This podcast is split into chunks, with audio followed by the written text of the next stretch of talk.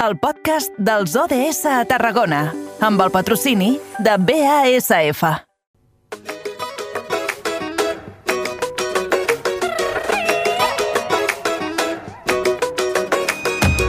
Saber-te els pulmons plens d'aire fresc.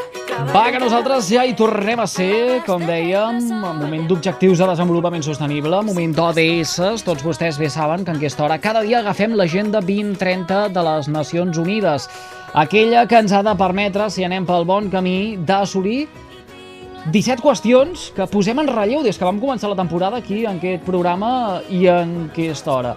No sé jo si arribarem a temps. Uh, en tot cas, no serà pel nosaltres que insistim cada dia i intentem fer pedagogia des de la nostra humil posició. Va, que ens aturem als estudis de la nova ràdio de Reus. Allí tenim el nostre company Aleix Pérez. Aleix, bona tarda, bon dimarts. Molt bon dimarts, Eduard. Ho estem intentant, eh? Estem sí, intentant, això. dels sí, ODS, sí, intentant. ho, este, ho, ho estem intentant i, i ens agradaria, eh, vaja, ens agradaria que l'audiència també procurés anar uh, pel, uh, pel bon camí. Escolta, avui parlem de temperatures, d'altes temperatures com les que tenim aquests dies, perquè també tenen incidència en, en algunes qüestions que precisament es toquen en aquests 17 objectius de desenvolupament sostenible.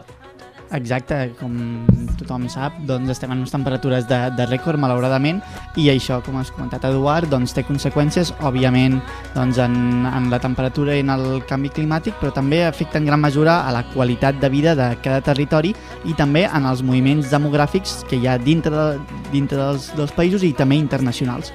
Ho podem englobar dintre de l'ODS número 1 dedicat a la fi de la pobresa o en el 10 que també tracta de reducció de desigualtats. Per parlar-ne, avui tenim amb nosaltres a Salvador Balcells, membre d'Entre Pobles. Molt bona tarda, senyor, senyor Balcells. Hola, bona tarda.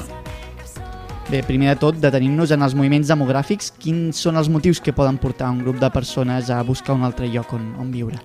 Jo crec que és important que, primer que tot, parlem del concepte de moviments demogràfics, perquè una cosa és distingir els moviments demogràfics voluntaris, en què les persones hauríem de poder circular lliurement per tot el món, i l'altre són aquests malauradament moviments demogràfics que ens centren l'atenció, que no són els voluntaris, que són els moviments demogràfics forçats per diferents causes, no? per les guerres, per l'economia, per la gana, i ara ja estem afegint a tots aquests aspectes negatius que forcen a les persones a deixar la seva casa, la seva terra, la seva família i arriscar-se amb aventures que normalment i malauradament acaben malament, com estem veient pràcticament cada dia aquí a la, a la Mediterrània o com podem veure a tot el moviment de Centroamèrica, no? que, que, i ara doncs, hi hem afegit tot el tema que ja no és ni emergència ni canvi climàtic, sinó una realitat que malauradament s'està complint,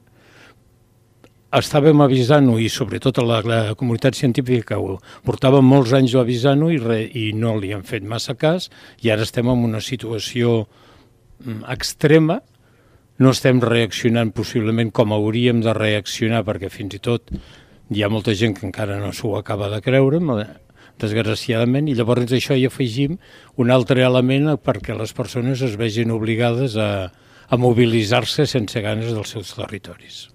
Per tant, eh, estem veient aquí en els ODS que en parlem cada dia de fer els deures. No s'han fet els deures també en aquest... En No. aquest eh, Home, crec que no solament no s'han fet els deures, sinó que tenim exemples, el primer exemple el tenim aquí al nostre país ara en plena campanya electoral, com alguna formació política és negacionista davant del mateix canvi climàtic i el que és més preocupant, una persona que aspira a la presidència dels Estats Units, de la primera potència econòmica, no, no potència social i potència en drets humans, potència econòmica, que és la màxima responsable de, de les emissions del CO2, compartint-lo amb, amb les altres potències econòmiques, però amb diferència, que els, eh, és els Estats Units, el senyor Trump és un home que és totalment un negacionista.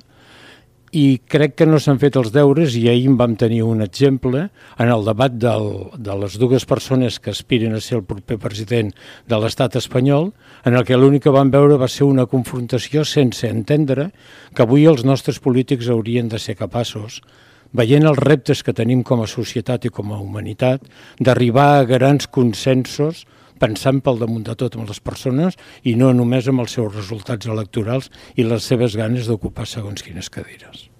Exacte, llavors estem parlant de que aquestes situacions, aquests canvis demogràfics obligats també pel context i el canvi climàtic també poden passar aquí al, nostre país. Pues al nostre país, de moment, diguéssim que en patim les conseqüències, però afortunadament nosaltres tenim uns cordons de seguretat que en molts països, a la zona africana o a Sud-amèrica, no...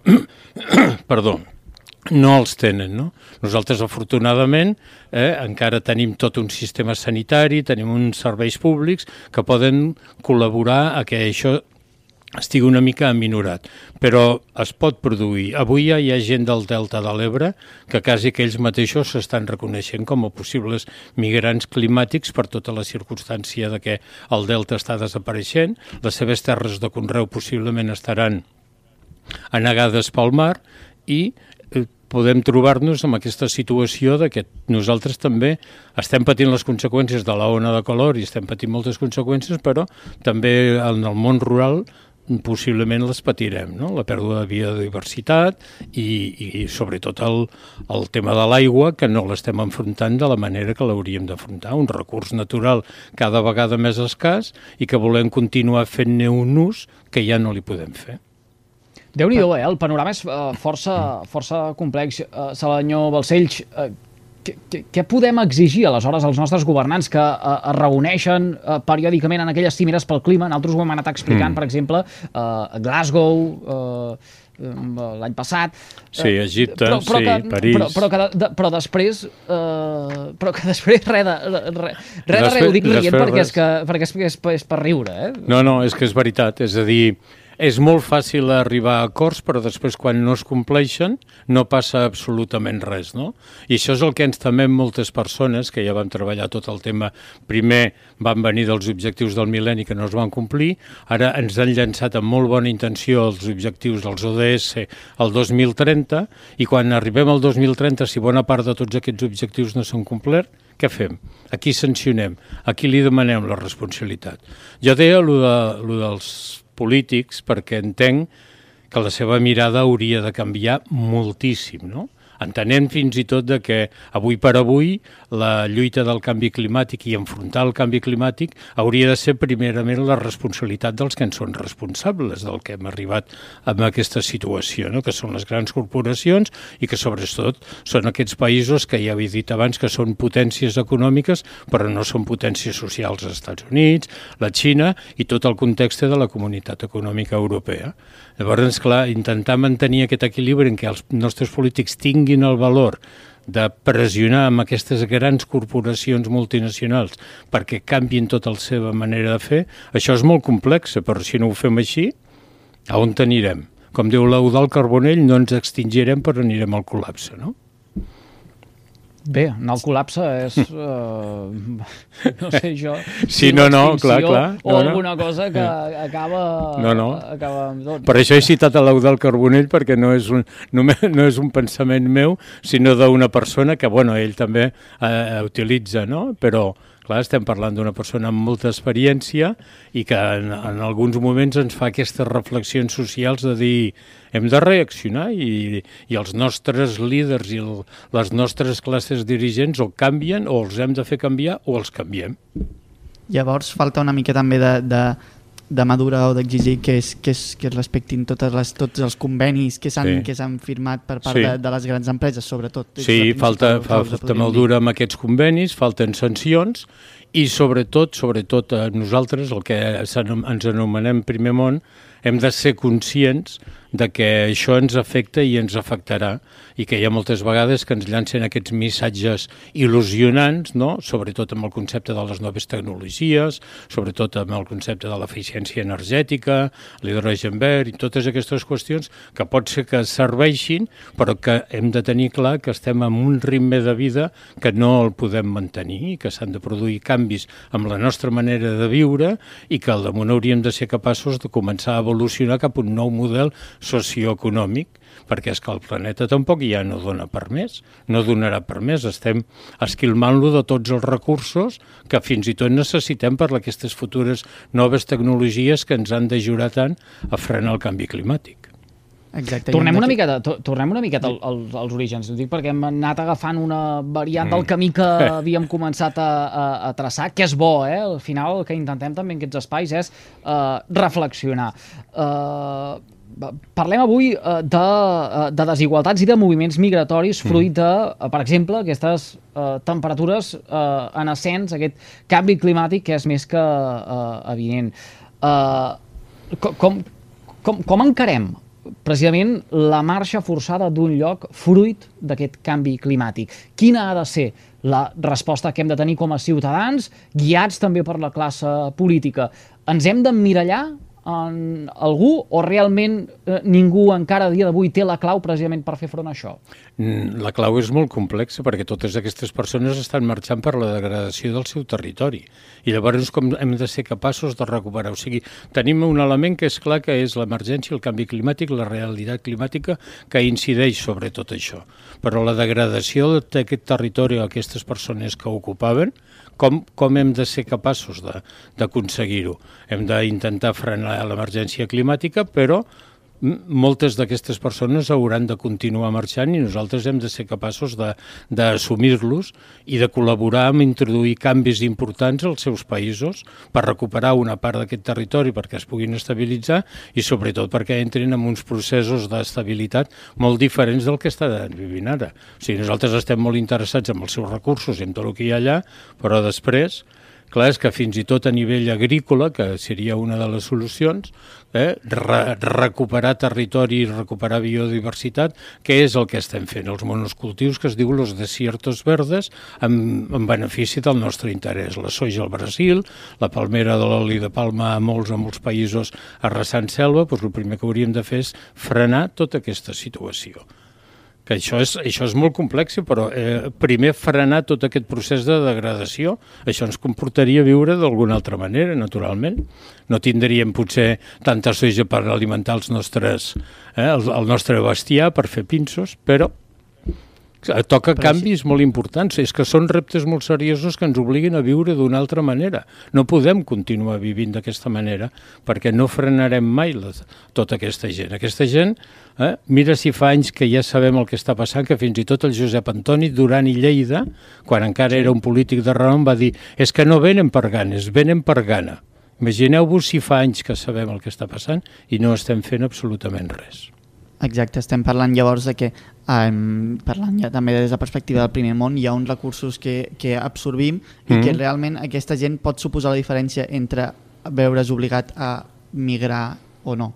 Sí, clar, és que nosaltres eh, absorbim uns recursos i davant d'aquests recursos, sobretot algun, algun tipus... O sigui, hi ha un gran desplaçament de població agrícola, de terres que teòricament encara són fèrtils, perquè estan generant recursos que els volem nosaltres. Ja ho vam comentar, l'Argentina pot alimentar 300 milions de persones i s'està morint de gana. Com és possible, això? No? I els argentins estan marxant i això està passant a bona part de tot Sud-amèrica. Eh, Lula ara té un problema que té 33 milions de persones que passen gana en un país com és el Brasil i estem desforestant la selva per la soja, pel morès, per alimentar el bestiar que després ha de continuar venint tot, tot cap a Europa. Mm. Pues com a mínim podríem començar per estabilitzar aquesta situació, reconeixent que no és fàcil i que les migracions no les pararem ni en un dia ni en dos, perquè la degradació que s'ha produït és molt gran, però com a mínim intentar processos d'estabilització. Ara llavors nosaltres hem de baixar el ritme de vida, eh? Si no baixem Senyor ritme Bas- de vida... Senyor Balcells, veig que uh, fa servir la paraula estabilització. Jo li anava a preguntar pel futur, perquè eh, el canvi climàtic veiem que és una evidència i de moment no hi ha clars símptomes que indiquin que la situació es pot uh, uh, redreçar. Uh, per tant, entenc que uh, uh, posar fre, en aquest cas, uh, en aquests uh, moviments demogràfics forçats, sí que és possible. S'hauria, eh, jo crec que podríem... Mira, el primer que hem d'entomar amb el tema del canvi climàtic és que eh, hem d'intentar mm, aminorar al màxim possible els efectes del canvi climàtic.